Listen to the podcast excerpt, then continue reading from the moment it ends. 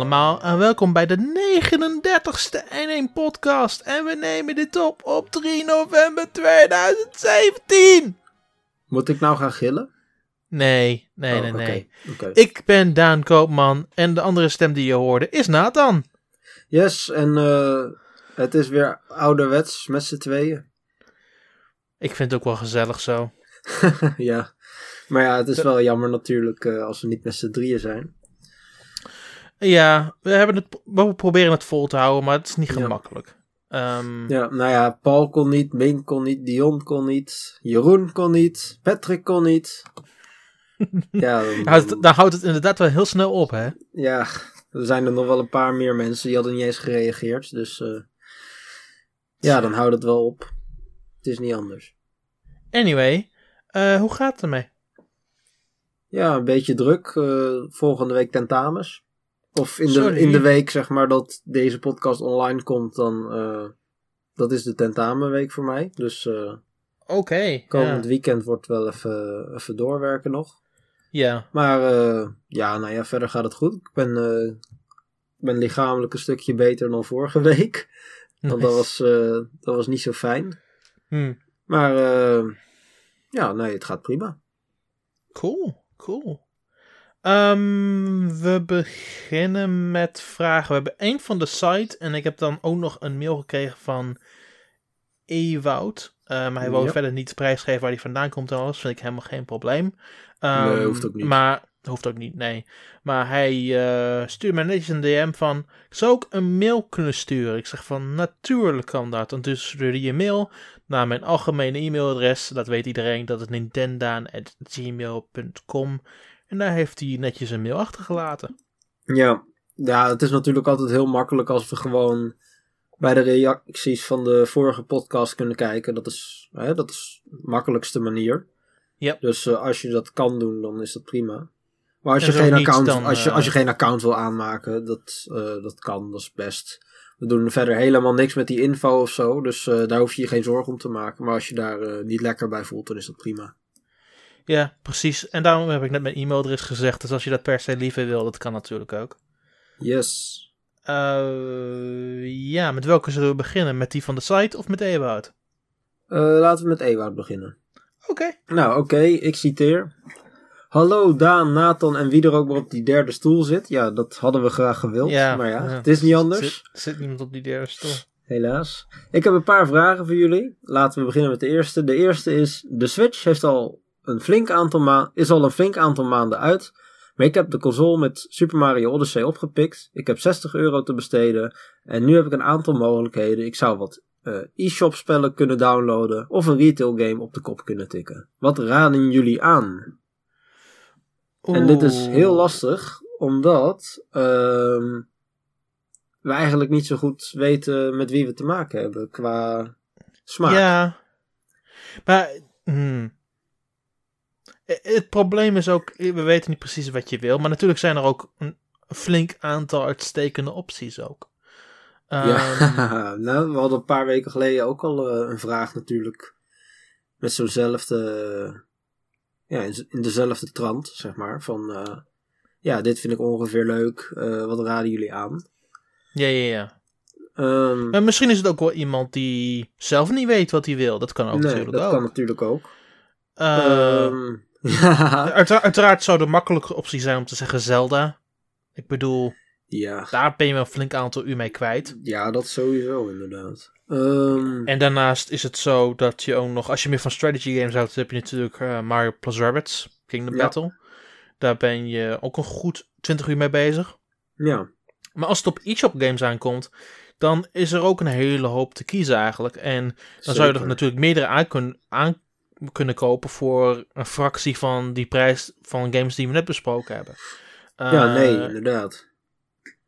Je zou bijvoorbeeld SteamWorld Dick 2 en Golf Story en nog een paar andere kunnen kopen, zoals Gravesol Explosion Machine. Ja, laten we gewoon even... ehm, nou ja, maar laten we ook even vertellen wat voor soort games dat zijn. Want Golf Story is meer een, eh, een soort ja, role-playing game, eh, avonturenspel, maar dan wel Met- gecombineerd met met golf. golf. Ja, Ehm SteamWorld Dick is een Metroidvania. Ja, dat is een soort eh, Super Metroid eigenlijk. Dus je, je loopt door een, eh, een grot heen. Nou ja, niet alleen een grot, maar hè, je loopt door gebieden heen eh, waar je doorheen platformt en vecht en noem het op.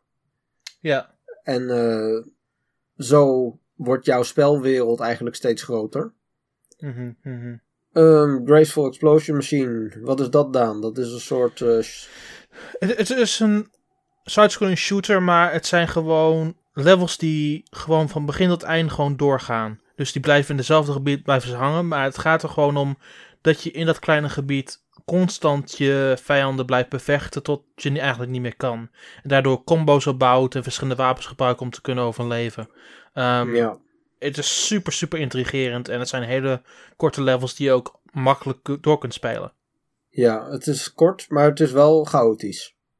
Ja, het is, Ja. Het is goed chaotisch, bedoel ik Ja, ook. nee, tuurlijk. Ja. Oké. Een andere die ik zou aanraden bijvoorbeeld is Sonic Mania. Ik Ja. bedoel, Sonic Twee- Mania spelen op een, op, een, Ja. op een handheld is gewoon geweldig. Ehm, ja. Ja. Ja, gewoon klassieke Sonic, dat ken je waarschijnlijk wel. zeker. Eh Kamiko vind ik ook wel een, eh, een goede game. Dat is maar is ook 5 niet euro. duur, het is maar 5 euro. Ehm, Ja, dat is een, eh, ook een soort avonturenspelletje meer in de vorm van de, de 2D Zelda games, zeg maar. Hè? Als eh, Link to the Past bijvoorbeeld. ja, Toch? Ja. precies. Ehm, Eh, het is maar net wat je wil. als je meer op zoek naar bent naar je game die je zowel lokaal, eh, bedoel lokaal of alleen kan spelen, dan is een game zoals Death Square is ook wel heel erg cool. Ja, wat is dat? Death Squared is een puzzelgame waar de wereld meebeweegt met je personage. Dus als één personage beweegt, dan bewegen, bewegen sommige elementen in de wereld. Ehm, en dit kan tot maximaal vier spelers. Dus ik kan heel, eh, het kan helemaal totaal, totaal losgaan zodra je met maximaal vier spelers probeert puzzels op te lossen. Mhm. Ehm, maar zelfs met z'n tweeën eh, moet je heel veel samenwerken en heel erg nadenken. Het valt in je eentje te spelen in die twee-player modus. Ehm, Oké. Maar het, het vergt aardig wat denkwerk. En dat, dat, dat intrigeert mij op zich ook nog wel. Ehm, ja.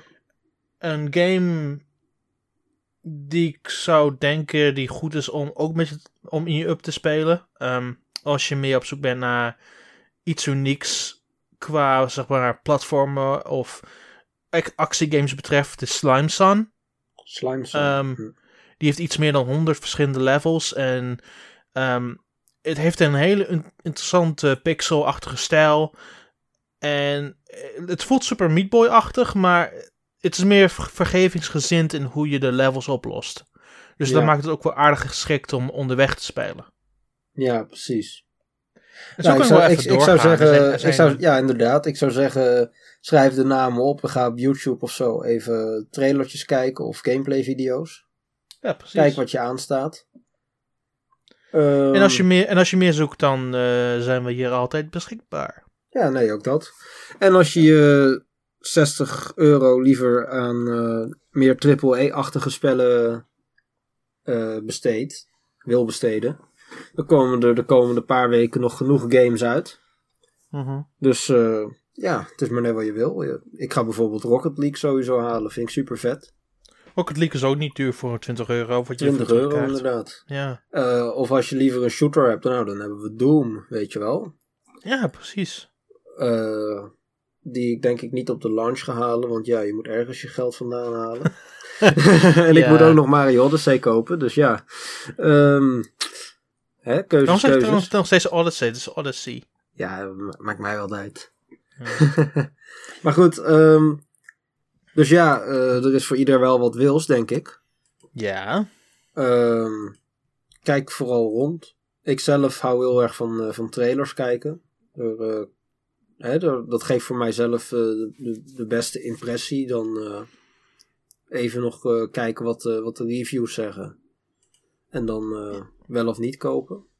Mhm. Dus ja, ik hoop dat je hier wat mee kan. Ja, heb Ik jij ook. nog iets toe te voegen? Nee, niet echt. Nou, oké. Dan gaan we naar de volgende vraag. Eh, Vraag 2. Met de uitstekende marketing die de Nintendo Switch geniet, is er marketing van oudere systemen waar je liever niet aan terugdenkt? Jullie gedachten. eh, ik heb deze vraag al kunnen inzien voordat, voordat we deze podcast opnamen. Dus dan krijg je al ideeën in je hoofd. Ja. En mijn eerste ingeving was de originele DS-campagne. Vertel. Touching is good. ja, maar dat marketing Het- het- het- is maar- ook wel een beetje Maar van alle zorgen grappen dat... die ik in magazine tegenkwam, of wat heb je, waren allemaal een beetje seksueel getint. Ik heb op mijn computer eh, nog wel een, eh, een, eh, ja, een soort billboard poster ding. Daar een afbeelding van, van een, een Game Boy Advance eh, campagne die ook een beetje, ja, dat soort... eh, Oh, Mario met de Thema. tribal tattoo. Oh, oh. Ik herinner me dat nu. Die is ook slecht. Er was Ja, een, een plaatje met Mario met de tribal, die een tribal tattoo heeft laten zetten voor die eh, speciale Game Boy Advance SP. Yep, inderdaad. Zo, die was slecht. En er was ook nog eentje waarbij een, een man in bed ligt. eh, eh, met de deken, zeg maar, tot ongeveer aan zijn navel. En daarnaast een, een, een, een jonge meid, weet je wel. Eh, gewoon een, een vrouw van eh, ja, Mhm. ook eh, twintiger, zeg maar. Eh, Mhm. Die er dan tegenaan ligt. Terwijl hij dan op zijn Game Boy Advance SP eh, zit te gamen. En dan staat, Mhm. en dan staat erbij. Eh, hè, dan heb je een plaatje van die, van die Game Boy Advance SP. En dan staat eronder the second best thing to do in the dark. Weet je wel? Dus eh, Nintendo die was in de puberfase op dat moment. Precies. maar als je het over algemene campagnes hebt, dan eh, ja, eh, puur marketingtechnisch, dan was de Wii U natuurlijk een drama. PlayStation 3 was een goeie, echt een drama. Ik weet niet, eh, ja, dat was, dat was niet gewoon meer de, de campagne zelf natuurlijk. Mhm. Meer het, eh, Maar ik denk dat hij ook waarschijnlijk meer gewoon Nintendo-systemen bedoelt. ja. Ehm, Ja, de Wii U was natuurlijk geen Nintendo systeem, dat is waar.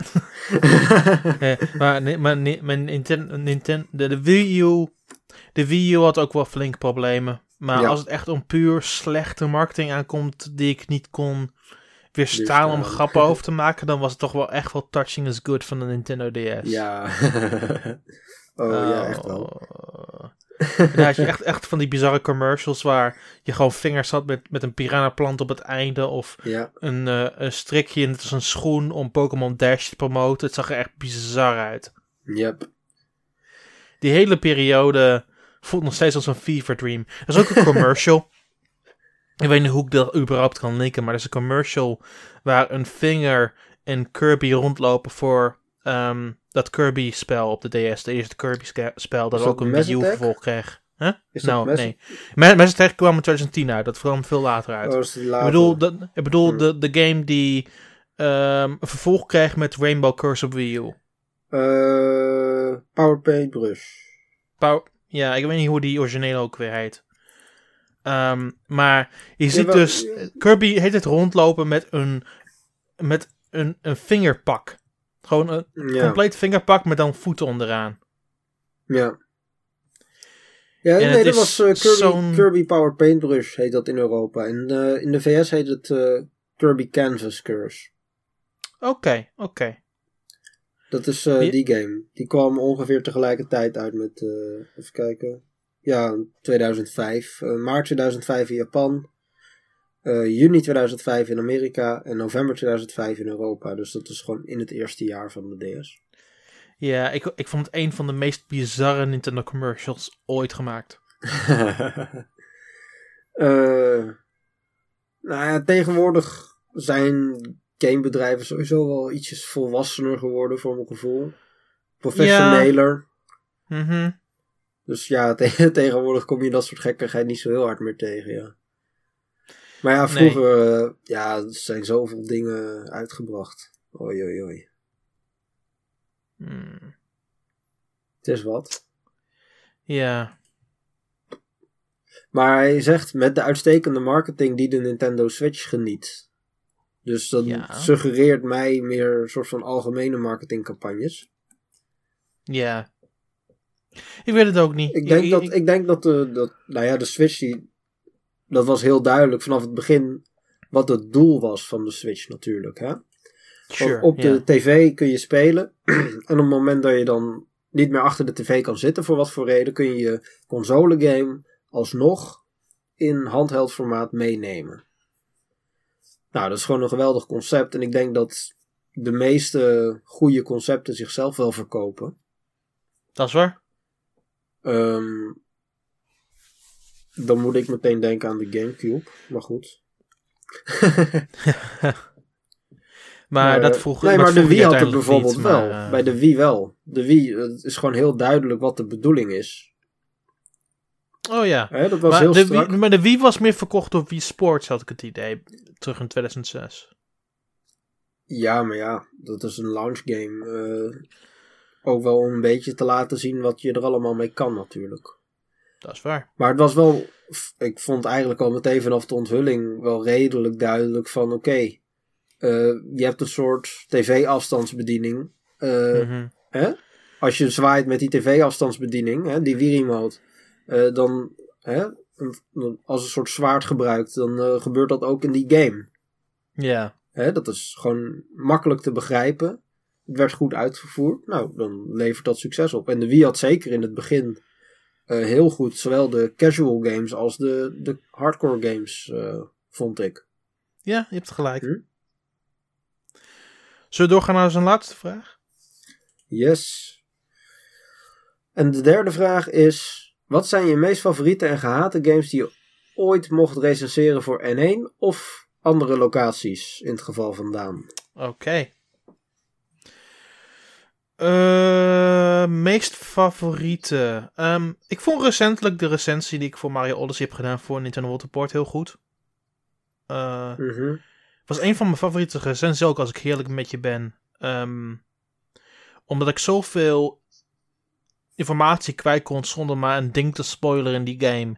En dat is veel moeilijker dan het lijkt. Dus ik ben daar ontzettend trots op. Ja. Ehm, en daarnaast is die recensie ook gefeatured door Nintendo van America. Dus hey. Ja, nee, dat klopt. Dat, we- daar hebben we nog een heel bizar verhaal over. Ik weet niet of we daar nu over willen uitweiden. Maar Nou, voor mij mag je het best over hebben, tuurlijk. nou ja, het kwam erop neer dat ehm, eh, in Amerika toen eh, Mario Luigi Superstar Saga plus Bowser's Minions uitkwam voor de DS, Ja. 3DS. Toen eh, werd via een YouTuber, als ik het goed heb, Ja. werd eh, de ROM-file van die game eh geleakt. Dus letterlijk de game werd geleakt om in emulators gebruikt te kunnen worden en dat soort dingen. Mhm. Nou, Nintendo of America was er niet zo blij mee. Dus die hebben daarop eh, hun beleid gewijzigd. Ja. En daarmee werd het dus meteen een stuk moeilijker om reviewcodes te krijgen voor zowel eh, websites als eh, YouTubers. Iedereen ging er eigenlijk op achteruit. Veel YouTubers die kregen de game pas op de dag van de release. Ja. Ehm, Nintendo World Report, als ik het goed begrepen heb van jou, eh, hadden die ook heel lang geen codes. Zij krijgen hem letterlijk op de dag van lancering. Ja, ook. Ja. Ja, ondanks dat zij gewoon een van de grootste Nintendo-websites ter wereld zijn eigenlijk. Ja, het is heel erg opmerkelijk. En ik heb er niet echt een goede reden voor waarom dat precies gebeurd is. Ehm, ik hoop dat het beter gaat met de games die hierop volgen. Ja, Ehm, ja, ja dat is afwachten. ja, dat is heel erg afwachten. Dat weet je nooit van tevoren eigenlijk. Nee. Ehm, maar waar het, wel, waar het wel natuurlijk op neerkomt, en daar ben ik gewoon ook heel erg eer- heel eerlijk in, is dat het ook de, mij de mogelijkheid heeft gegeven om gewoon een game te recenseren die ik normaal gesproken nooit heb nagedacht om te recenseren. Ehm, Nee, dat is waar. Maar ja, dat is, hè, dat is misschien een, een gelukje bij. Een, een, hè, dat voortkomt uit een eigenlijk gewoon een groter probleem. nee, zonder meer. En, en dat ga ik ook niet hier zitten zeggen dat, ehm, dat, het, dat het alleen maar positief is, want dat is het natuurlijk Nee. niet. Maar, Nee, maar ja, voor jou komt het natuurlijk wel goed uit. Maar eh, het resultaat wat het heeft opgeleverd, en Mhm. daar mag iedereen ook over spreken, is dat Nintendo Ja. of America opeens wel mijn recensie heeft gefeatured, terwijl Nintendo, terwijl Nintendo Report ja. pas een kopie op de dag van, re- van release heeft gekregen. nou ja, dat was dus inderdaad het, eh, het ironische. Dat jij toen je, je Europese review-exemplaar gebruikt hebt Mhm. om je review te schrijven. Ja. Ook op die website. Mm. En volgens mij stond jouw review al online voordat ze überhaupt zelf een code gekregen hadden bij eh, NWR. Klopt, ja. Dus dat is toch wel knap. Als je gewoon een, een review hebt eh, op je website. Nog voordat je zelf de code gekregen hebt. Die dan vervolgens door Nintendo of America, die die code geeft. eh, ook nog eens uitgelicht wordt. Ja. Ja, dus eh, het gaat helemaal nergens over eigenlijk. Ik bedoel, het is wat het is. Ehm, Mhm. Het is niet zoiets dat ik daar invloed op heb. Ook al ben, vind ik het super sneu voor mensen die eh, recensies doen in Amerika. Ik bedoel, ik Ja. begrijp het nog steeds niet. Uiteindelijk van de dag. Ik kan er moeilijk over meepraten, want ik, weet, ik heb dat gevoel niet zo. Ehm, Nou, nou, niet echt. Weet je, Ehm, ik krijg nog steeds de meeste dingen krijgen we nog redelijk op tijd binnen. Eh, op één Ja, game goed, recentelijk na. Ehm, nou ja, wat- dat, dat, bij die game weet je dus precies hoe dat voelt.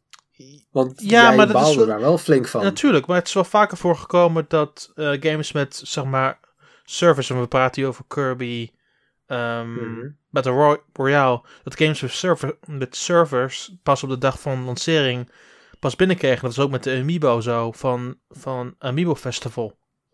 Ja. Dus het, het is niet de eerste keer dat het gebeurd is, überhaupt niet. Ehm, en, er, en ze hebben tenminste nog een reden waarom ze het niet op tijd hebben aangeleverd. Maar het Ja. is meer zoiets met Mario Odyssey dat gewoon in zang een singleplayer game is. Mhm. En die konden het gewoon niet spelen tot de dag van lancering. Dat is gewoon ontzettend jammer voor coverage. Ja, nee, zeker. Nee, oké, in die zin heb je wel gelijk dat het eigenlijk eh, nog iets erger is. Ja.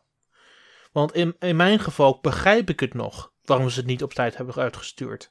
En natuurlijk vind ik het Ja. vervelend. Uiteraard vind ik het vervelend. Ik ga er, ik ga er ook geen doekjes over binnen dat ik, het, dat ik het niet leuk vind.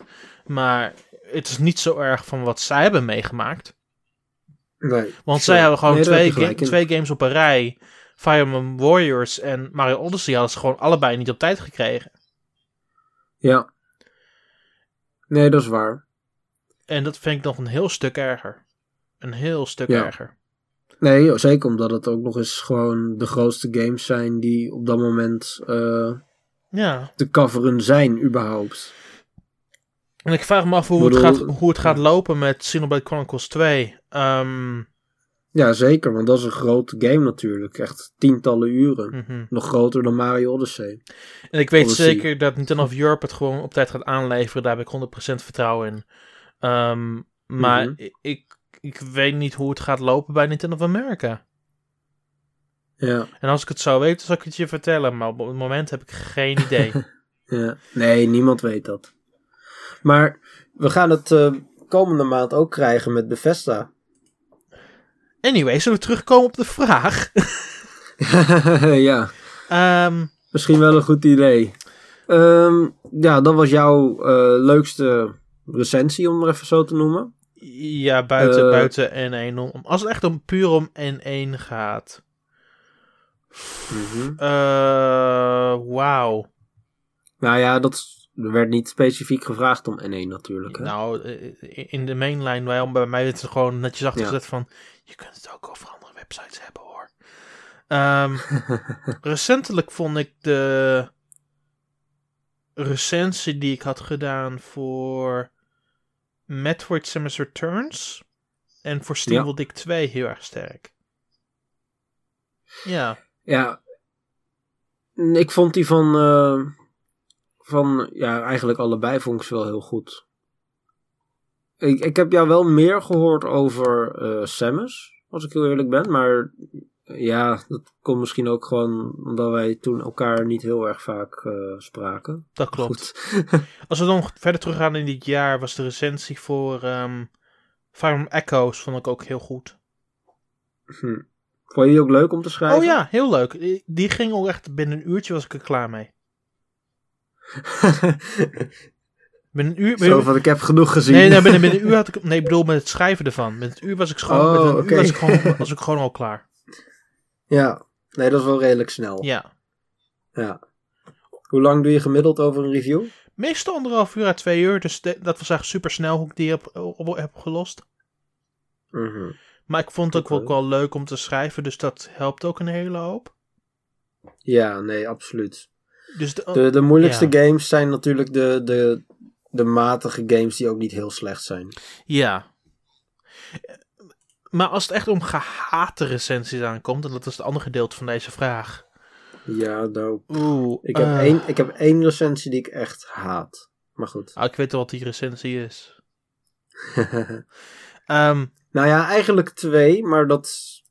Maar ja, eh, die, die andere recensie, dat was meer... ehm, je mag ze gewoon wel benoemen omdat als ik je gewoon wil, in hoor. een soort... nou ja, ik kan ze opnoemen. De eerste is eh, een van mijn allereerste recensies. Dat was voor Squid's Odyssey, voor eh,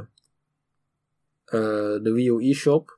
Lag niet aan de game zelf. Het was meer gewoon dat ik ehm, op dat moment gewoon moeite had met schrijven. Het was, hè, zoals ik al zei, een van de eerste reviews. Mhm, Daar heb ik best wel lang over gedaan. Ja. Ehm, kwam uiteindelijk ook pas ver na de release van het spel ook eh, uit. Hm. Dat was gewoon, ja, dat, ja, dat is gewoon een leerproces. Maar ja, ik, ik heb nou hier, eh, zit ik in het mapje te kijken met al mijn eh, documenten met reviews. En dan kom ik hem toevallig tegen. En denk ik, oh ja, oeh. Die andere game, die heb jij ook gerecenseerd. Dat is Sonic Boom, Klopt, ja. Rise of Lyric. Het het was niet de slechtste game die ik op Wii U heb gespeeld. Nee, maar dat komt omdat jij bijna alles covert en ik Ja. niet. Ik bedoel, mijn meest gehate recensie zijn er... Het zijn er eigenlijk twee. Vertel. Eén is Tested with Robots. Ja. Oh ja, dat was zo'n. eh, echt zo'n flash game, zeg maar. Ja, op de Wii U. Het was niet goed. Die ze dan ook nog voor 10 euro durfde te verkopen. Ehm, en de tweede is een recensie waar ik echt heel veel vlek voor heb gekregen. En dat was ehm, Oh, ja. Mario Tennis Ultra Smash. Oeh. Want ehm, de meeste recen recensies gaven hem ongeveer een 5.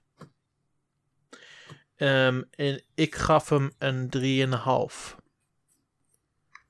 Nou ja, je hebt uitschieters naar beneden en naar boven. Dus ja, maar, zich- ik- maar ik geloofde ook in die 3,5. Echt ontzettend erg. Ja, maar ja, dan is het toch gewoon heel simpel. Ja. Ik bedoel, er zijn ook mensen die, eh, die Super Mario Odyssey geen 10 geven. Oh, sure, ja. Ik bedoel, die game die heeft een. wat is het, een 9,7 of zo op, eh, op Metacritic. Ja, maar er zijn heel Dus veel ja, mensen praktisch- die heel erg on- met mij oneens waren dat ik ehm Ja. Ultra Smash zo laag gaf. Ehm, Nou ja, Terwijl- er was ook nog een andere Mario spin-off waar mensen het niet zo heel erg mee eens waren. Maar ja, maar met Mario Tennis Ultra Smash was het gewoon zo... Ik vond hem gewoon onder de maat. Onder het Ja. gemiddeld, gemiddeld spel hoort te zijn. En het mist gewoon Ja. basisfuncties. En daardoor vond ik het minder waard dan zeg maar een 5. Ja. En daar blijf ik gewoon sterk achter staan. Nog steeds jaren. Nou, eh, het was gewoon een heel matig spel. Eh, Benjamin, die had eh, de game voor ons gereviewd. Mhm. Weet je wat hij hem gegeven had? Volgens mij 4, als ik het goed heb. Ja, Hm, ja. nou, dat is ook, hè, dat is, ik bedoel, dat is ook heel laag. Oh nee, zeker, ja. Hè? Meer dan een punt onder het gemiddelde. Maar ja, die mensen zijn er nou eenmaal ook. En eh, hij onderbouwt het heel goed. Dus ja, kan weinig, eh, kan weinig anders zeggen. Was trouwens wel een heel goed bekeken review. Er zaten ook heel veel reacties onder. Het was ook één grote oorlog in de reacties trouwens, maar goed. Eh, Ach ja. ja. Ehm, ja, eh, reviews die ik heel erg leuk vond. Want ja, we moeten toch een beetje positief afsluiten, vind ik. Eh Mario Kart 8 Deluxe. Dat vond ik erg leuk. Ik vond het ook erg leuk om de game te spelen. Dat helpt heel erg. Mhm. Ehm, hè, met jou en met eh, een, he- hè, een heleboel andere recensenten. Ik ben op een gegeven moment ook, zaten wij nog in eh, Game Explain video's bijvoorbeeld. Ja, ja, ja. Nou, dat is, gewoon, dat is gewoon leuk. En het was elke dag, elke avond was het weer feest. We hebben echt eh, heel wat uurtjes toen ingestoken in die, in die battles en zo. Maar iedereen, Nou, maar iedereen het- ging ook hangen in, in voice calls op Discord en dat soort dingen allemaal. Toen hebben we ook Ja, ontzettend precies. veel lol gehad hoor. Inderdaad. Nou, dan wordt de. eh, dan wordt het schrijven van zo'n review ook ineens een stuk leuker. Het was wel een immens lange review. Ja. Nou ja, dat krijg je dan ook. Eh, ik heb toen één voor één al die battle modes eh, een beetje toegelicht. Ja, het is gewoon eh prima game. En eh, ja, daardoor wordt het misschien een wat langere review. Maar dat, dat is dan ook helemaal geen probleem. ja. Tenminste, voor ons niet. Voor de lezer misschien wel, maar... ja, dat, vaak zie je ook wel met, met lange reviews dat, ze, dat het ook wel gewoon puur komt omdat schrijven zo makkelijk gaat. Ja. En je, er is maar meer en meer en meer dat je wil vertellen. En op een gegeven moment moet je ook gewoon zeggen, oké, stop. ja, vooral de laatste tijd heb ik meer het gevoel dat ik mezelf een beetje moet afremmen met sommige recensies. Ja, maar dan komen ook gewoon heel veel gewoon leuke, goede games uit. Ja. Dat je echt Maar, gewoon eh, ontzettend veel plezier hebt aan het spelen. Hm. Nou, dat helpt. Maar ik, ik heb steeds meer het idee om steeds langer te schrijven. En dan moet ik een beetje tegenhouden. Ehm, vooral toen met Odyssey. Ik, wou veel meer Mhm. vertellen dan die 2000 woorden die ik uiteindelijk op heb gezet. Ja. Ehm, maar ik denk dat een maximaal aantal mij wel beter helpt om een betere recensie te schrijven. ja, omdat je dan natuurlijk wat minder in de details treedt. Ja. Gewoon Ja. puur over mening praten. En dat hebben we geprobeerd met de laatste paar recensies van mij bij N1. En dat volgens mij klaagt niemand erover. Nee, Nee. ik, heb, eh, ik heb niemand terecht over gehoord. Volgens de Jeroen kijkt bij ons de meeste recensies naar. Hij was echt super positief erover. Dus eh, Ja. ja. nee, inderdaad. Maar hij houdt, dat is ook wel een beetje eh, meer zijn stijl natuurlijk. ja, zeker. Maar goed, ja. Nee joh, maar ja, er zijn, zijn bepaalde keuzes die je moet maken natuurlijk. Maar ik had bij Mario Kart 8 had ik ook echt gewoon het gevoel van oké, ehm, dit is de opbouw die ik heb gekozen, eh, die ik wil hanteren. Ehm, er waren op zich wel een aantal dingetjes die ik weg kon halen hè, en woorden hè, en zinnen schrappen. Maar daardoor voelde het ook weer wat minder een geheel aan en zo. Dus dan, hè, dan maakt het ook niet zo heel veel uit als een, een recensie iets langer is. Ja.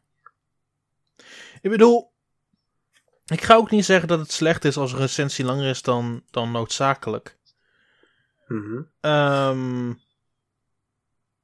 maar ik probeer wel zeg maar, een verhaal neer te zetten dat gewoon, gewoon goed aanvoelt. Zeg maar, dat aan één stuk doorgaat Ja. en zonder enige twijfel de juiste dingen vertelt.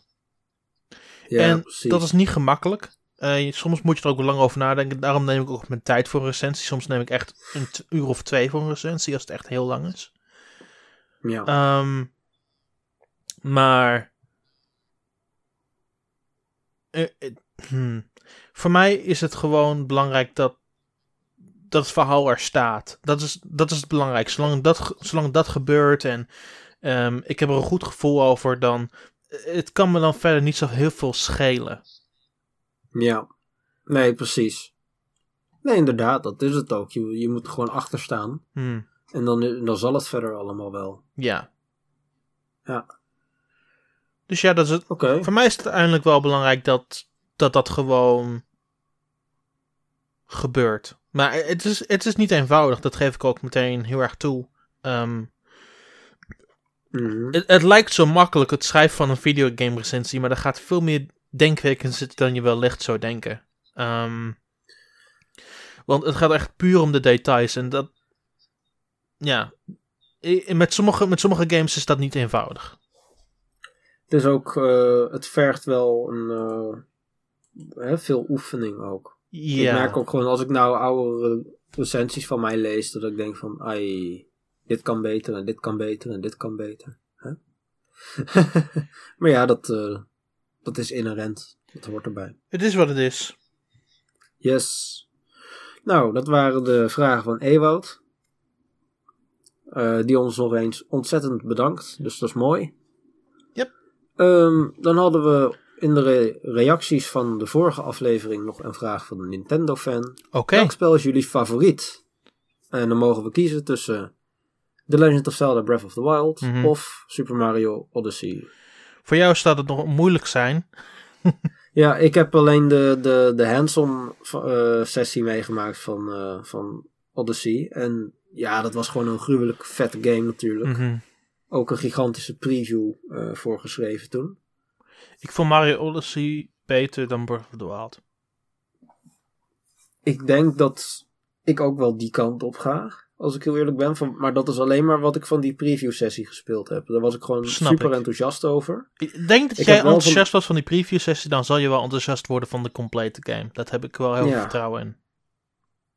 Ik heb wel van een heleboel mensen gehoord dat eh, ze verbaasd waren van de hoge cijfers. Zeg maar, eh, toen die vrijdag dat het uitkwam en mensen voor de eerste keer eh, kunnen spelen, dan hè, kom ik in, in WhatsApp groepschats, eh, Discord eh, servers, noem het op. Allemaal mensen tegen die zeggen: 10 dat is veel te hoog. Eh, ik voel dat echt totaal niet, weet je wel. Ja, en dan maar een paar dagen later, dan zijn ze Ja. eh, opgeschoten. Dan zijn ze door die eerste paar werelden heen. En dan vinden ze het een fantastisch spel. klopt. Even door het eerste stukje heen komen, zeg maar. Maar voor mij vond ik het van minuut 1 geweldig. Bij mij was dat in de insteek heel erg anders, snap je? Ehm, Ja. Ik kom, ben iemand die veel meer was van de level-based Mario games, zoals 3D Land en Galaxy. Ehm, Hm. Ik was nooit zo'n fan van Sunshine of Mario 64. Daar ben ik nooit geweest. Ehm, Ja. Maar de manier waarop Odyssey het voor elkaar bokst om gewoon een goed avontuur neer te zetten, voelt gewoon fantastisch. En elke keer dat ik dat speel, word ik een stukje vrolijker ervan. En dat gebeurt gewoon tot recht op het einde. En Ja. dat komt bij mij niet zo heel vaak voor meer. Want ik ben meer kritisch Hmm. geworden, dat is een feit. Want met meer recensies dat je schrijft, en dat is ook een heel na, een raar ding, nu dat ik dit al zo lang doe, dan word je meer kritisch op games die je speelt. Ja, Ehm, en ik ben, was bijzonder kritisch op sommige elementen van Breath of the Wild. Ik vond... nou, ik, ik vind het ook wel, van wat ik hoor en zie en zelf gespeeld heb.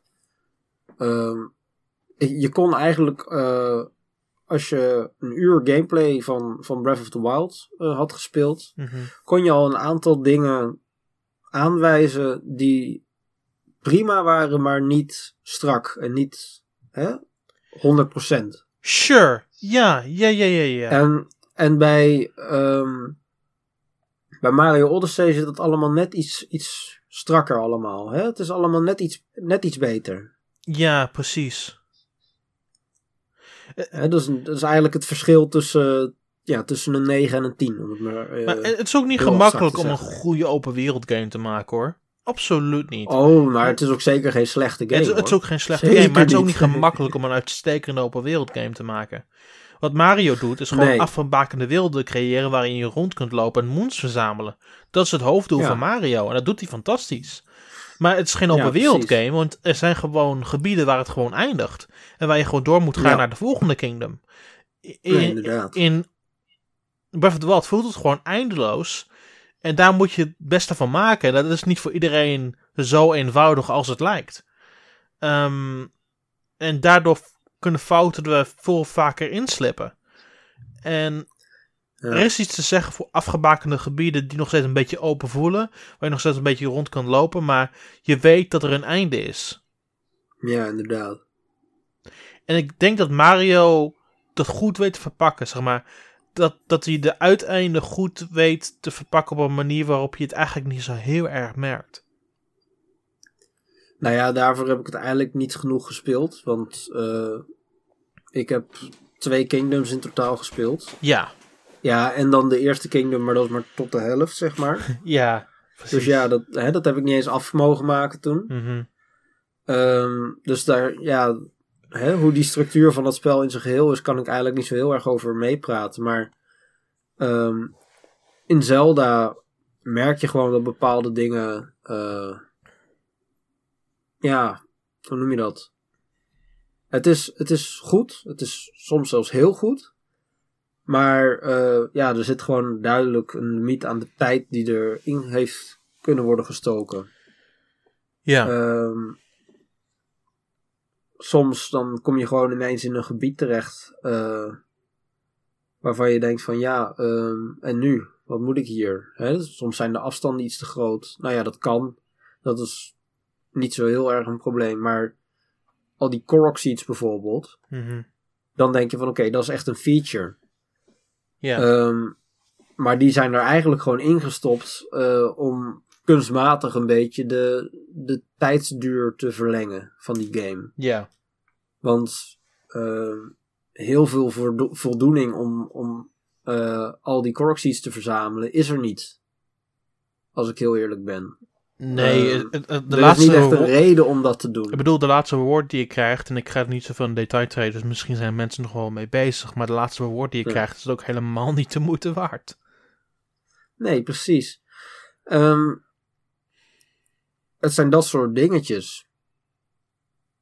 Die, eh, ja, en ik heb Breath of the Wild heel lang niet meer gespeeld. Dat zou ik eigenlijk even moeten doen. eh, hè, voordat, ik, hè, voordat ik weer al die punten tegenkom waarvan ik zeg van oké, dit is, hè, hier zou dit nog eh, gedaan kunnen worden of anders gedaan kunnen worden. Hmm. Maar eh, nee, ik had, ik had gewoon het gevoel bij, bij Zelda van ik, ik speel een, een goede game, een zeer goede game, maar niet perfect. En bij, bij Mario is het allemaal zo slick. Dat is, eh, ja, dat is niet te tippen. Niet om aan te tippen. Hmm. Er zit logica in, ja, zeker. Ja, dus nu hebben we een probleem.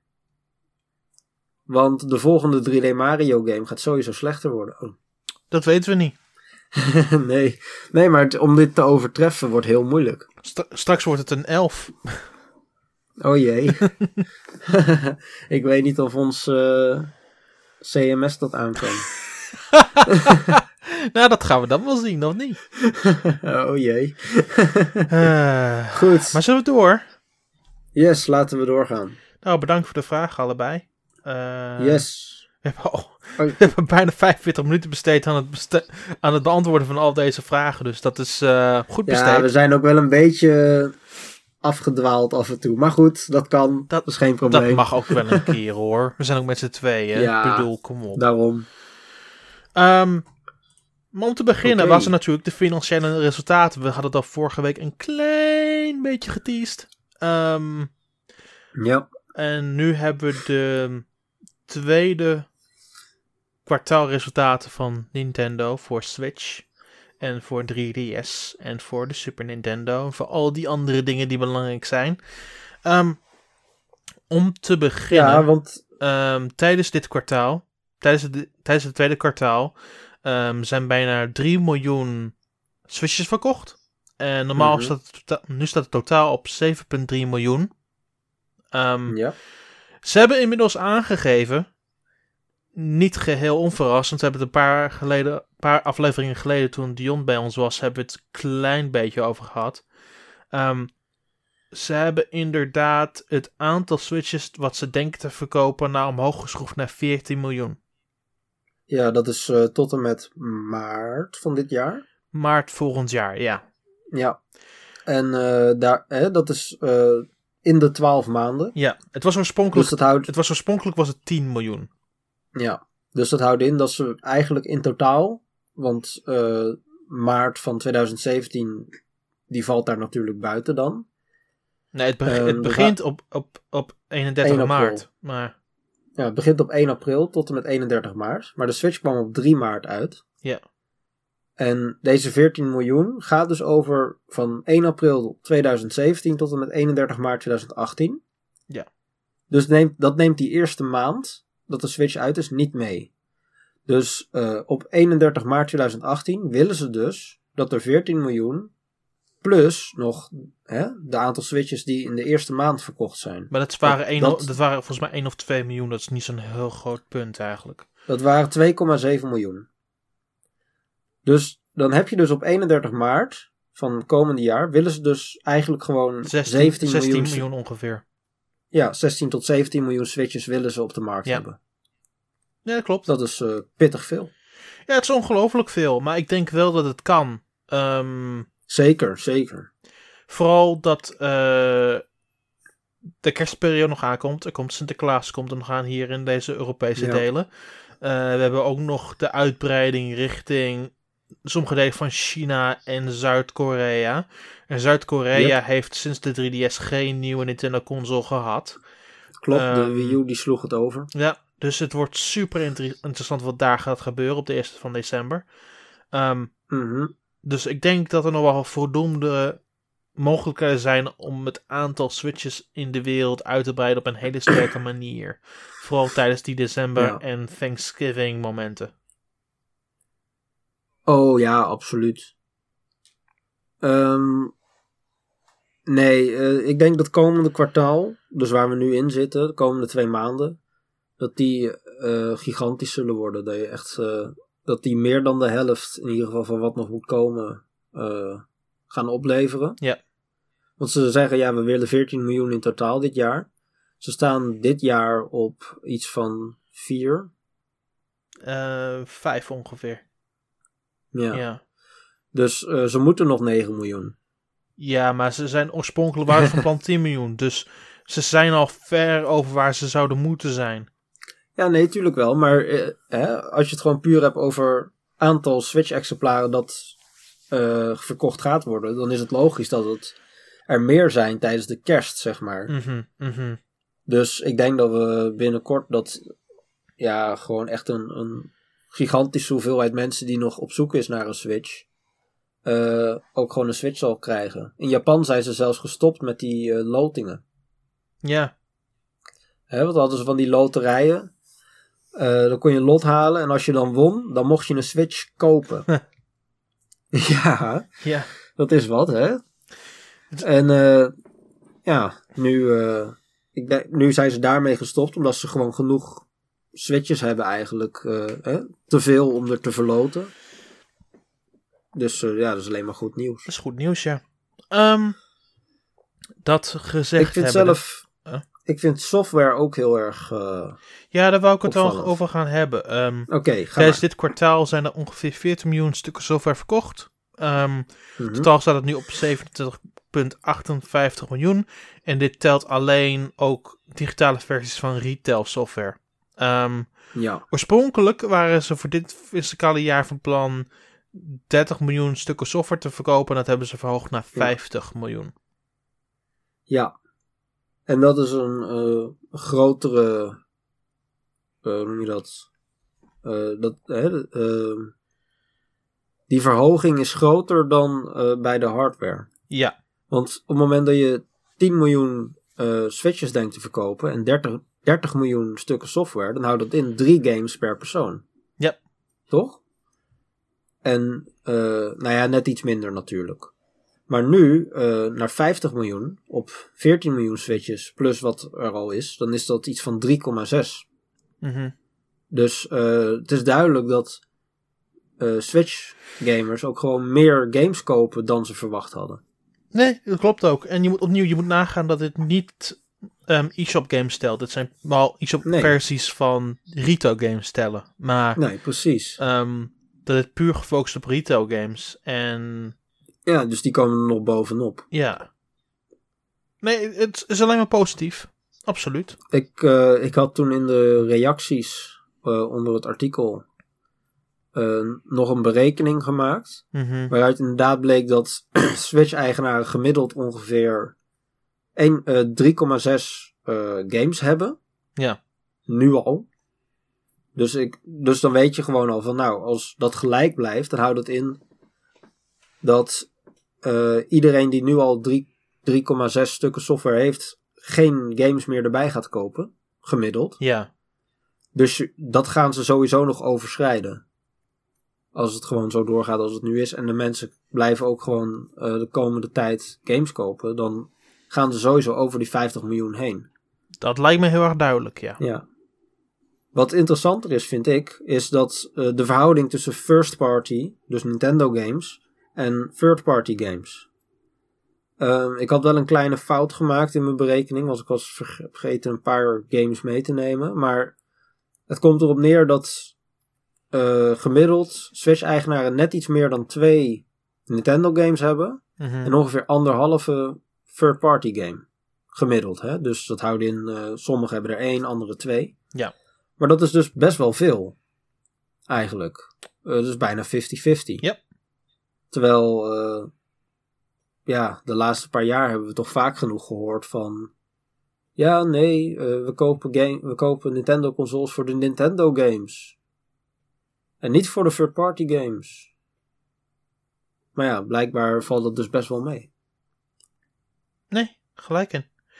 Ehm, dat, over dat gesproken te hebben. ehm, momenteel zijn er miljoenen sellers. En je moet nagaan, dit- hier telt Mario niet mee. Omdat dat net buiten dit kwartaal valt. Ehm, Mhm. Maar eh, de, mi- de million sellers just bef- eh, net voor Mario, want dat opnieuw, het kwam er net na. Dat was Zelda Ja. Breath of the Wild, dat is nu op 4,7 miljoen. Eh, Yes. Interessant genoeg hebben ze ook deze week aangekondigd dat in Japan en Noord-Amerika een Explorer Edition uitkomt. Ehm, die, Ja. daar komt, dat komt met een kaart en een 100 pagina guidebook. Ja. Wat, best, wat een goed idee is voor de, voor de feestdagen. Eh, ik vraag me af of het ook Mhm. naar Europa komt, maar ze hebben nog niks gezegd hierover. ja, dat viel me wel op dat ze dat niet eh uitbracht in Europa. Ik denk dat dat te maken heeft met lokalisatie of zo. Het zou waarschijnlijk met de lokalisatie van het boek te maken hebben, ja. Ja, precies. Ehm, dat gezegd hebbende. ehm ik weet qua verkopen dat Europa en Amerika ongeveer gelijk staan bij Breath of the Wild met Japan op de derde plaats. Ehm, ja. In Ma- Mario Kart 8 is het ongeveer gelijk qua regio's. ja, dus 33, 33, 33. Eh, met Splatoon 2 staat Japan natuurlijk op nummer 1. Europa is tweede en Amerika is derde. Mhm. Met One to Switch staat Europa op nummer 1.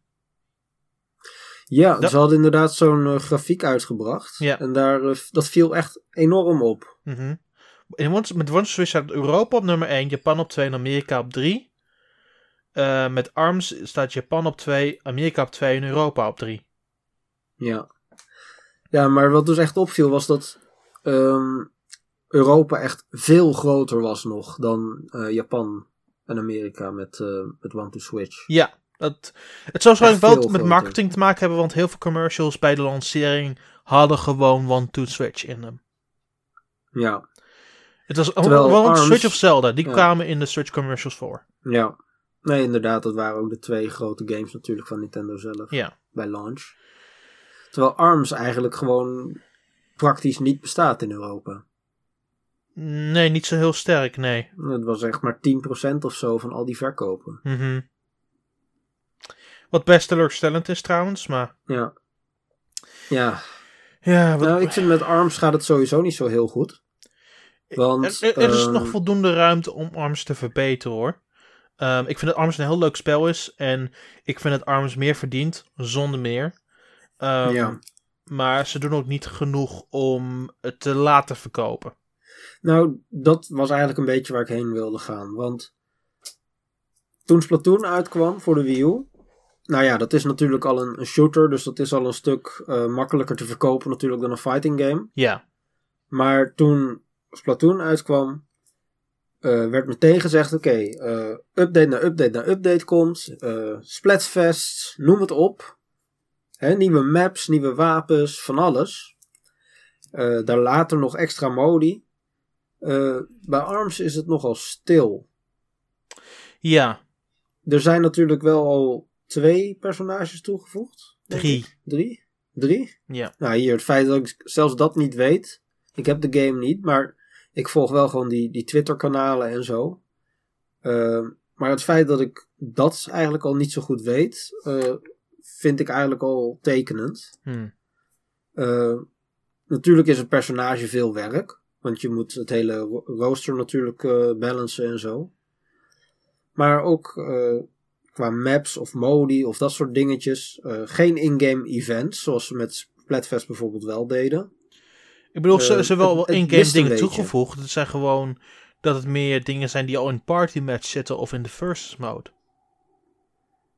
Ja, maar het is, het is jammer dat er minder. eh, hoe noem je dat? Er wordt, wordt niet één, eh, één gigantische hype omheen gecreëerd door, door Nintendo zelf. Ja, en ik denk dat het wel zeker op zijn plaats is, maar het, het is wat het is, weet je. Ehm, Ja. Ik denk dat opnieuw, opnieuw dat er meer marketing in moet zitten, vooral voor Europa. Ja. Maar het is niet op zijn eind. Er is, er is, Nee. er is ruimte nog voor. En opnieuw, 1 miljoen verkopen is nog niet zo heel erg slecht. 1,3 miljoen verkopen. Nee, maar ik denk niet dat Nintendo blij is. Nou, ik denk dat ze best tevreden zijn hierover. Vooral Nou, gezien, vooral was heel goed. vooral gezien het een game is die vooral ook veel leunt op motion control. Nou ja, dat is natuurlijk wel waar. Het, is, eh, het heeft motion controls. Fighting games zijn zeker eh, in Japan eh, een stuk minder populair geworden. Maar in Europa en de VS doen ze het nog wel goed. Ik En, bedoel, en- Tekken 7 had bijvoorbeeld ook al eh, 2 miljoen keer eh, verkocht. ja, en het feit dat het langzamerhand ook One to Switch inhoudt, laat ook wel wat zien hoor. Ja, maar One to Switch is wel ouder. Natuurlijk, maar dat, dat ARMS opnieuw steeds in de belangstelling komt, betekent wel dat het langzamerhand boven One to Switch gaat uitstijgen. Ja. Ja. Maar ARMS kwam in juni uit. Mhm. Het vorige kwartaal eindigde op 30 juni. Dus dat is eigenlijk alleen maar de, de, de eerste maand. Ja. Toen stond ARMS op 1,18 miljoen. En Mhm. nu op 1,35. Ja. Dus hebben ze in de drie maanden daarna 85% minder exemplaren verkocht. Dan in, hè, bij launch, zeg maar. Mhm. In die eerste maand. Dus de, verkopen zijn, nou ja, nog niet helemaal, maar ze zijn wel flink afgeremd, zeg maar. Ze liggen nog, niet, hè, ze liggen nog net niet stil. Er zit ook niet voldoende hype rondom de game. En ik denk dat het met het volgende kwartaal en de maanden die daarna komen wel interessant gaat worden. Omdat ook Japan binnenkort aan de beurt is. Ja.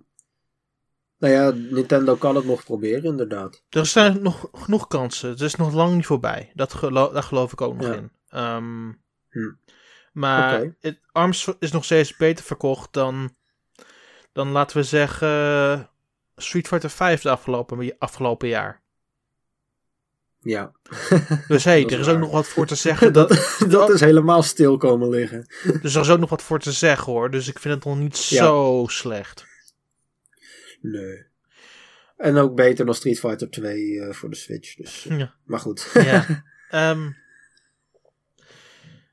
wat anders. Ehm, smart devices en IP-gerelateerde inkomsten zijn 426% gestegen jaar op jaar basis. dat is eh, Ehm, behoorlijk veel. mhm. Ze hebben ook wat heel wat extra mo- money geïnd van eh, Pokémon Go. In yen is dat v- 624, 6429 miljoen. De netinkomsten zijn met 173,4 miljoen, eh, 4% gestegen. Jaar op Yes. jaar. Ehm, en downloadverkopen zijn met 55% gestegen jaar op jaar basis. Ja.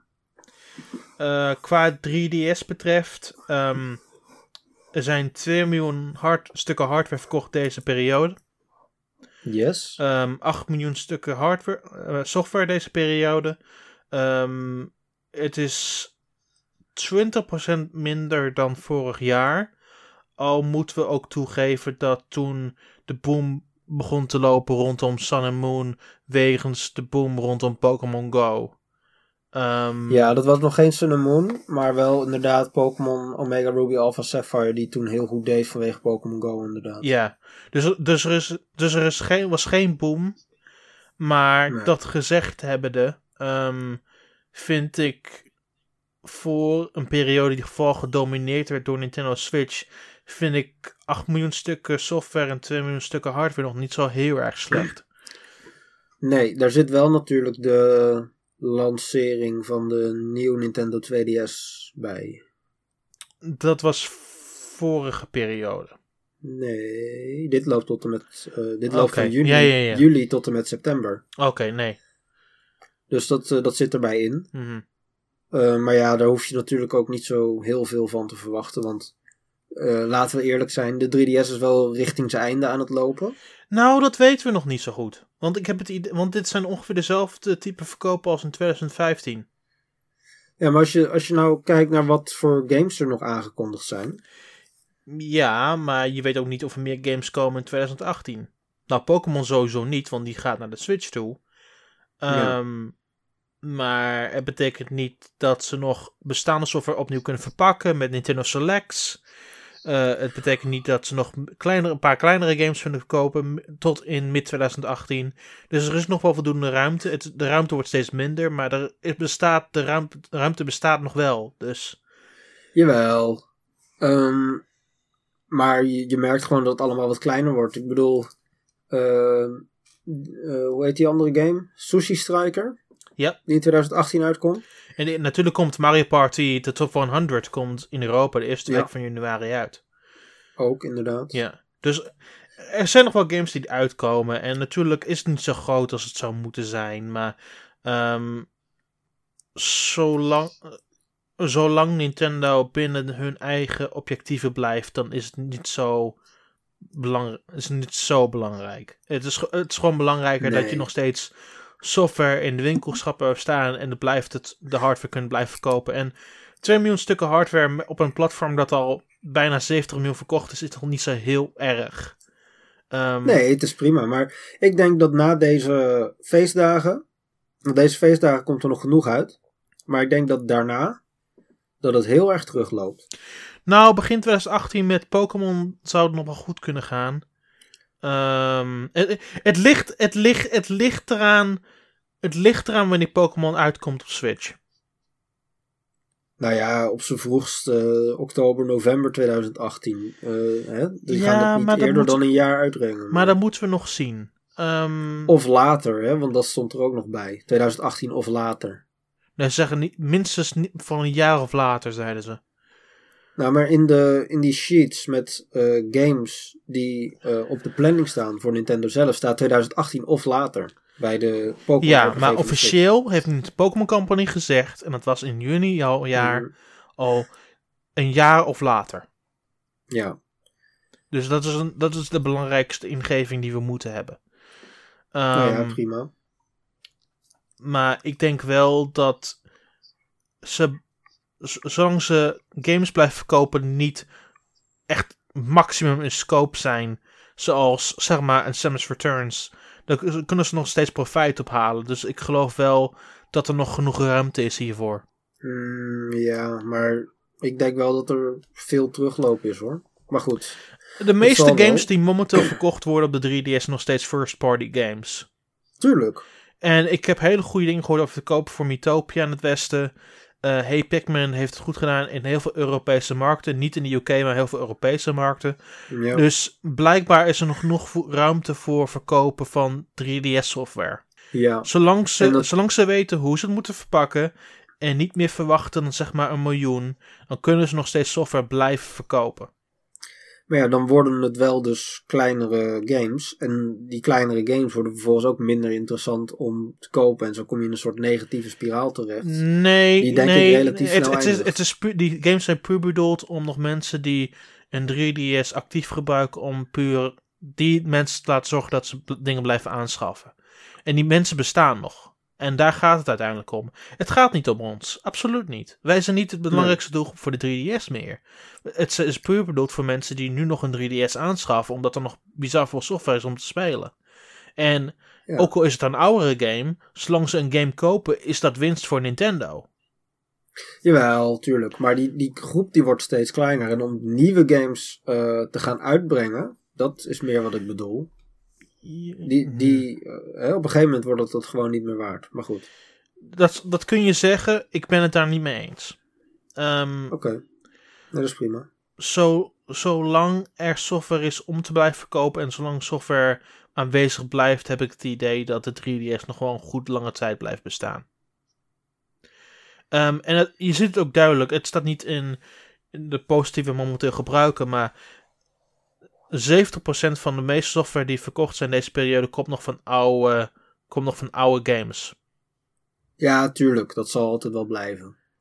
En natuurlijk, ja- er, is nog, er zijn nog steeds een goed gedeelte aan nieuwe software die verkocht worden. Het, het is nog steeds ongeveer 45% Ja. is het. Ehm, maar het belangrijkste is zijn evergreen titles die iedereen nog herkent. Nee, uiteraard. En Zolang... Nee, maar ik, wil- ik, wil de, ik wil de 3DS ook niet. Ik wil de 3DS ook niet volledig dood verklaren. Ja, Maar ik zeg meer van na deze eh, feestdagen. Zul je zien dat er gewoon een sterke daling komt. Omdat mensen eh, die gaan eh, kijken naar Switch. Hè? Want de groep die bij de 3DS blijft, die wordt veel kleiner. mhm. Veel third parties die stappen over. tuurlijk. Het, het zal vanaf, de, vanaf na de feestdagen zal het veel kleiner worden. En ik denk dat de zomer niet overleeft. Maar goed. Ik denk dat eh, mijn, mijn ingeving was dat er sowieso nog wel software uitkomt tot aan de zomer volgend jaar. Ehm, Wat er daarna gaat gebeuren ligt puur aan de verkopen tot aan de zomer. Als er nog software verkocht wordt ehm, tijdens de aankomende periode, vooral tijdens de feestperiode, dan heb ik Ja. zoiets van dat Nintendo niet zomaar de 3DS gaat opgeven. Nee. Maar ja, dat gaan we wel zien. Eh, ja, dat gaan we inderdaad zien. Ehm, Ja, Wat veel interessanter is, is natuurlijk de Wii U verkopen. Ja. Want, Anyway, ehm, dat waren de... De Wii, de Wii, nee, maar de Wii U hardware, Mhm. daar heb ik moeten opschrijven, minder dan 0,01 miljoen exemplaren. Trouwens, ehm, Geeft wel genoeg aan. Ja. Zelfs de software was onder de 1 miljoen. ja, leuk. Ehm, Pokémon Sun and Moon, ehm, als een update naar de mil- Million Sellers, die is Mhm. 0,04 miljoen verdaan van Mario Kart 7. Eh, ja, Ik denk na de volgende periode dat het over Mario Kart 7 heen is. Dat denk ik ook. Dat, ik denk dat die gewoon over de 16 miljoen heen gaat. Na- hmm, En Mario Kart ook wel, maar minder. Ik denk, Ma- Mario Kart loopt al minder snel, heb ik het idee. Ja. Want tijdens deze periode van Mario Kart 7 is er ongeveer, want ik heb hem gecheckt bij de vorige Ja. Million Seller List. ehm, Ja. er was er 0,3 bijgekomen en tijdens deze periode is er nog 0,30 bijgekomen voor Sun and Moon. Ja, precies. Dus- Dus, dat is, eh, Dus, dat is dus, klaar. dus ik denk dat Mario Kart, dus Mario Kart wel het spitmodel vertegen Sun and Moon na de Ja. volgende periode. Daarnaast komt Ultra Sun en Ultra Moon ook nog uit. Ehm, Mhm. Dus er zullen Maar sommige mensen later. Dus er zullen sommige mensen zijn die natuurlijk eh, dit willen. Hoe bedoel je later? Het komt tijdens deze komende kwartaal uit. Jawel, maar de, de- deze, de afgelopen maand hebben mensen nog Sun and Moon kunnen kopen, zeg maar. Dus daar krijgen ze sowieso nog verkopen van. Ja. Maar er zijn, maar er zijn ook mensen die, die, natuurlijk eerst Sun and Moon willen spelen en dan nog een keer Ultraman, Ultra Sun en Ultra Moon. Ja, Eh, dus die mensen zullen er ook nog wel zijn. Eh, Ja, precies. dus ja, ik denk dat Mario Kart 7 bij het eind van volgende kwartaal derde staat. ja, dat zit er dik in. Ja. De volgende vraag is, gaat Sun and Moon over Pokémon X en Y heen? Dat weet ik niet. Want die staat nu op 16,20 miljoen. Vooral gezien er een nieuwere versie uitkomt van Sun and Moon, vind ik dat heel moeilijk om te zeggen. Ja, Ja. we gaan het zien. Ik, ik denk dat het rond de 16 miljoen blijft hangen, Sun and Moon. Ja, zoiets zal het wel zijn. Het maakt op zich ook niet zo heel veel uit. Tuurlijk, ja. Ehm, andere vergelijkingen die je hebt gezien. ehm, Animal Crossing, blijft het goed doen? Animal Crossing is twee plaatsen gestegen. Yes. Eh, ten opzichte van een jaar geleden. Natuurlijk is het, komt het ook door de Amiibo-update. Mhm. Ehm, het stond een jaar geleden net iets onder Super Smash Bros. Ja. Ehm, maar gezien de nieuwere versies en alle Amiibo-kaartjes voor uitgebracht en dat dingen allemaal, zijn er weer een heel stel mensen bijgekomen die dat spel hebben opgepakt. Had je nog uitgerekend hoeveel exemplaren precies? Want het, het, het verschil is nu echt best wel groot. Ja, ehm, volgens mij is- was het echt iets van 1,7 miljoen in ten opzichte van Ja. een jaar geleden. Ja, nee, dat kan heel goed kloppen inderdaad. Want eh, Smash Bros staat nu op eh 8,9 en Animal Crossing op 11,2. Ja, ja, Dus ja. dat, is, eh, dat is echt fors. Yep. Nou ja, binnenkort eh, Pocket Camp. Dat zal ook wel veel mensen eh, daar naartoe eh, laten trekken. Ja, eh, ik denk dat eh, bij de volgende periode dat Mario, Super Mario 3D Land ook hoger staat. Eh, recentelijk is dat natuurlijk uitgekomen als een Nintendo Select voor 20 euro. Dus je zal Ja. het goed doen, vooral binnen Europa. Ja, dat denk ik ook wel. En ik denk dat hij waarschijnlijk weer over New Super Mario Bros. 2 heen gaat. Die staat op 1173 en 3D Land staat op 1140. Ehm, bij het einde van vorige, volgende periode denk ik dat, het, dat 3D Land boven Bros 2 staat. Ja, dat zit er wel in. Voor de rest Goed. is er niet zo heel veel veranderd. Ehm Nope. Luigi's Mansion nog steeds op dezelfde locatie. Hetzelfde geldt voor Tomodachi Life. Ehm, Ja, dat, dat stopt wel verder. Tomodachi Life heeft niet zoveel verkocht in de laatste periode binnen Europa, zover ik weet. Maar dat heeft gewoon Nee, te die- maken met, met de verkopen van Mythopia. Juist, precies. Ehm, en ik denk dat Mythopia bij het einde van 2017 een miljoen seller is. Ja, dat, dat weet ik niet zo goed. Dat gaan we wel zien, hè? Eh, zover ik weet staat Mythopia in 10 van de tw- 12 landen die constant binnen Europa worden gecheckt op nummer 1 op de 3DS. Zo. Natuurlijk gaat Pokémon daar flink overheen straks. ja. Ja. Ehm, maar tot nu staat Mythopia bovenaan. Dus ik heb het idee dat een miljoen niet zo heel ver hier vandaan ligt. Nee. Nou ja, en als we dan eh, de toekomst in gaan kijken, dan zien we Super Mario Odyssey eh, het lijstje binnentreden voor de Switch in ieder geval. Klopt. Ehm, de eerste drie dagen zijn er 2 miljoen verkocht. Ja, nou, dat is... Wereldwijd. Dat, dat zeg je wel heel erg snel, maar dat, is, dat doet niet iedere game. Nee, maar dit is ook Mario. Het, eh, maar het is niet zozeer een verrassing. Ik bedoel, het is Mario. Natuurlijk gaat het goed verkopen. ja, maar nog steeds. Het is, het is fors, als je het mij vraagt.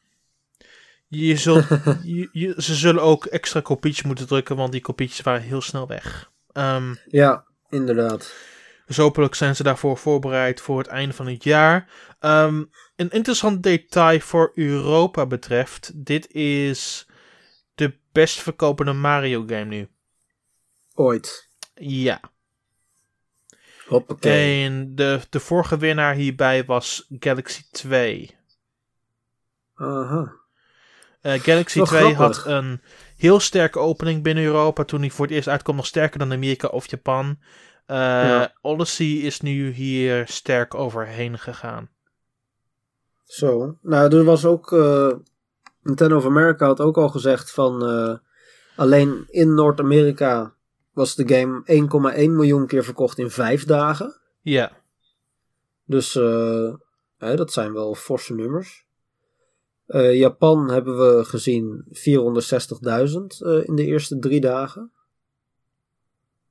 Dus eh, ja, dat, eh, dat is fors. ja heel fors.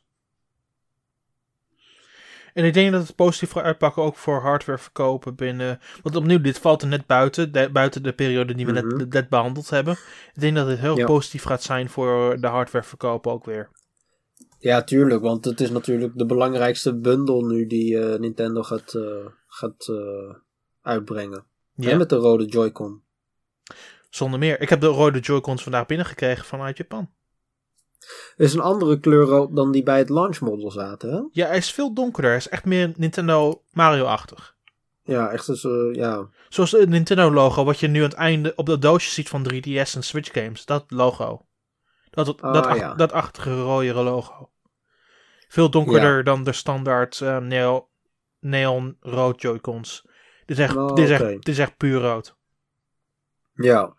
Nee, op, op die doos vond ik het er wat meer, ja, wat, wat paarsig uitzien zelfs misschien. Maar dat valt dus wel mee. Ja, het echt puur donkerrood is het. Ja, gewoon fel. Ja. Uit. Oké. Eh, ik heb er een unboxing video voor gedaan als je die wil kijken op mijn YouTube kanaal mensen. Ehm, maar je zult echt zien hoe te puur rood die dingen zijn. Echt bizar. ja, Ehm, cool. eh, het volgende verhaal waar ik kort op in wil gaan is EA. Oh jee. EA heeft gezegd dat ze zullen afwachten tot, tot meerdere Switch games. Totdat ze begrijpen waar de demand van Switch ligt. Ja. Ik, ik, Eh, ik, zeg, ja. ik, ik quote het nu in het Engels. Ehm, Electronic Arts is waiting until Nintendo's new Switch has been on the market for a full year before deciding whether to release more games besides FIFA 18. The company finance chief officer Blake Jurgensen told um, Wall Street Journal. The Wall Street Journal, yeah. The Switch, both a home console and a portable gaming device, launched in March, and EA soccer game was released in late September. Yeah. Um, Jurgensen says it's too soon for EA to judge the success of FIFA 18 on the device, and wants to fully understand what the demand is for the Switch before committing more resources to it. Ja, wat ze hier dus eigenlijk zeggen van... We kijken hoeveel eh, mensen gebruik maken van de microtransacties in FIFA 18. Ja, I mean, ze hebben nog V coming. Ehm, wat natuurlijk Ja. de game is van, eh Zoink. van Zoink Games. Die komt ook naar Switch toe nu. Ja. Maar voor de rest is het natuurlijk puur afwachten wat EA gaat doen. Want EA, voor, al, voor, al de, voor alle fancy comments die zij maken, ehm zij hebben niet zo heel veel games op hun programma staan. Ze hebben vandaag nog een nieuwe game aangekondigd. Ja, De UFC 3. klopt. Ehm, dus dat is eh, fighting. maar, maar hun totale aantal aanbod aan games is niet zo heel sterk. Nee, maar hun Ehm. aantal maandelijkse gebruikers, om het zo te noemen, Mhm. Die is wel heel hoog. Klopt. Maar zij hebben ook meer games die ze als services aanbieden, zoals FIFA 18 en Madden en NFL. Ja, Daar, daar leven zij op. Maar buiten dat Ja. om is het een beetje eh, niet voor Speed Payback deze periode en Battlefront 2. Ja. Ehm, ja deze periode wel. Ik geloof dat ze volgend jaar niet zo heel... Begin volgend jaar niet zoveel in de planning hebben staan. Volgens mij niets. Nou, alleen Vion. eh, UFC dus. En V, ja. Ja. Dat zijn de twee die ze aan het begin van de periode hebben staan. Ehm, en ik kan, heb niet echt het idee dat Battlefront 2 of Payback op de Switch geport kunnen worden op een goede manier. Ehm, nou, het, is, het zijn Frostbite games. Mhm. En blijkbaar kan Frostbite wel eh, draaien op de Switch. Schijnt Mhm. dat het kan. Maar Frostbite in het algemeen schijnt een draak van een engine te zijn. Dus ik weet niet of, eh, of ze het. Die, hè, die extra mensen die ze daarvoor moeten inzetten voor een Switch-versie, of ze dat de moeite waard vinden. Het ligt er ook. Er ligt er enorm aan. Ja, want het schijnt eh, echt een enorme takkenklus te zijn. Ja. Eh, zijn door de jaren heen genoeg verhalen online gekomen. Van eh, BioWare of Visceral Games bijvoorbeeld. waarin ze lopen te haten op Frostbite. Yep. Het schijnt dat Frostbite, het team achter Frostbite, een aantal jaar achterloopt op de planning. Met waar ze hadden willen zijn in 2017. dus dat zegt denk ik ook wel genoeg. Ja, eh, geen idee. Als ik heel eerlijk ben, want ja, eh, online only is wat ze natuurlijk heel erg proberen te doen. Zoveel mogelijk online multiplayer. En daar is de Switch ook niet heel erg geschikt voor natuurlijk als portable. Nee. Aan de andere kant lijkt mij wel dat er mogelijkheden zijn voor EA. Zeker qua franchises. Ik bedoel, eh eh, Plants vs. Zombies. Hè, Garden Warfare hadden ze bijvoorbeeld. Of gewoon een, een nieuwe Plants vs. Zombies game of zo. Er, wa- er was de rumoer dat ze daarmee bezig waren voor Switch. Ik weet niet wat daarmee is gebeurd. Ja, nee, daar heb ik inderdaad dingen over gehoord. Maar dat, dat is op een gegeven moment is dat gewoon eh, als een nachtkaars uitgegaan. Ja, ik weet niet wat er op, wat, opnieuw, ik weet niet wat er precies mee is gebeurd. Ik weet dat het ooit heeft bestaan. Ik, In een prototype. nee, niet een prototype, echt Max? aan gewerkt, echt actief aan gewerkt. Ehm, Oh, oké. Maar ik weet niet wat er precies mee is gebeurd. Hmm. Ja. Ehm, Volgens mij waren de, de FIFA-verkopen op zich wel goed. ja, de FIFA-verkoop waren in het algemeen wel prima. Ik weet niet hoe sterk ze waren, maar in de meeste, in de meeste regio's liep het wel aardig. Niet echt per se in de UK. Ehm, want dat zien we, dat is de sales die we altijd, van, altijd zien in de charts en in nieuwsfeiten en dat soort dingen allemaal. Maar, het blijkt, maar het feit blijft dat, dat de UK niet belangrijk is voor Nintendo. Nee, In, in de landen in Europa waar Nintendo wel belangrijk is, lijkt het goed te lopen. nou dat is mooi. Eh, ik bedoel, het is niet op Mario levels of dat zingen, maar het loopt prima. Ik weet niet hoe, Ja, hoe sterk de. Wat, wat, wat EA voor ogen had, maar het lijkt goed te lopen. Daar gaat het uiteindelijk om. Ja, inderdaad. Maar wat ik zeg eh, net, van, eh, dan heb je dus die mensen die FIFA gekocht hebben. Ik heb bijvoorbeeld ook FIFA gekocht Ja. eh, toen. Maar ik heb niks uitgegeven aan FIFA Ultimate Team pakjes. En dat is natuurlijk voor hun nog een, een extra laag aan omzet die er bovenop kan komen.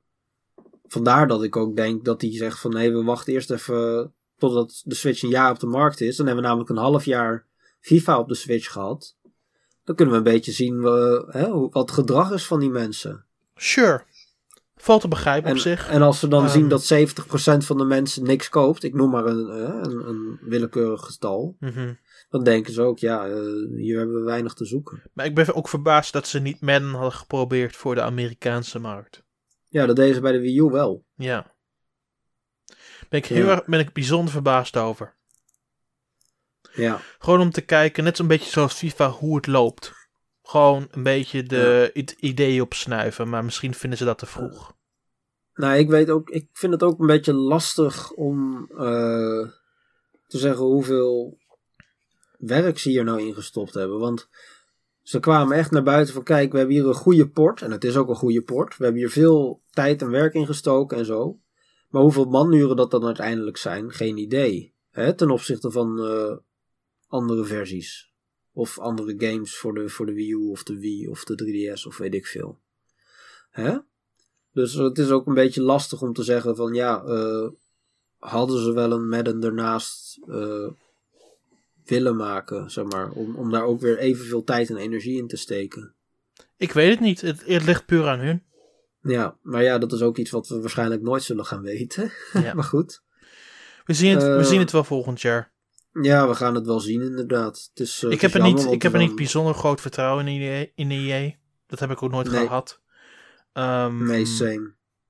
maar we gaan het zien. Ja. En het is wel een goede partner om te hebben, dus eh, Ja, voor Nintendo wel belangrijk. Maar ja. we zien het wel. Ze, ze hebben altijd nog op de vest staan om op terug te vallen. Hadden, we twee- hadden we een jaar geleden ook niet durven zeggen, maar goed. Ja. En dat is het wel voor deze week. Dat was weer een lange, lange rit. Nou, we hadden ook wel genoeg te spreken deze week hoor. Jongen, jongen. Ja, we hebben het niet eens over games gehad. Nee, doen we volgende week wel. Volgende week hebben we het wel over Kirby en dat soort dingen allemaal.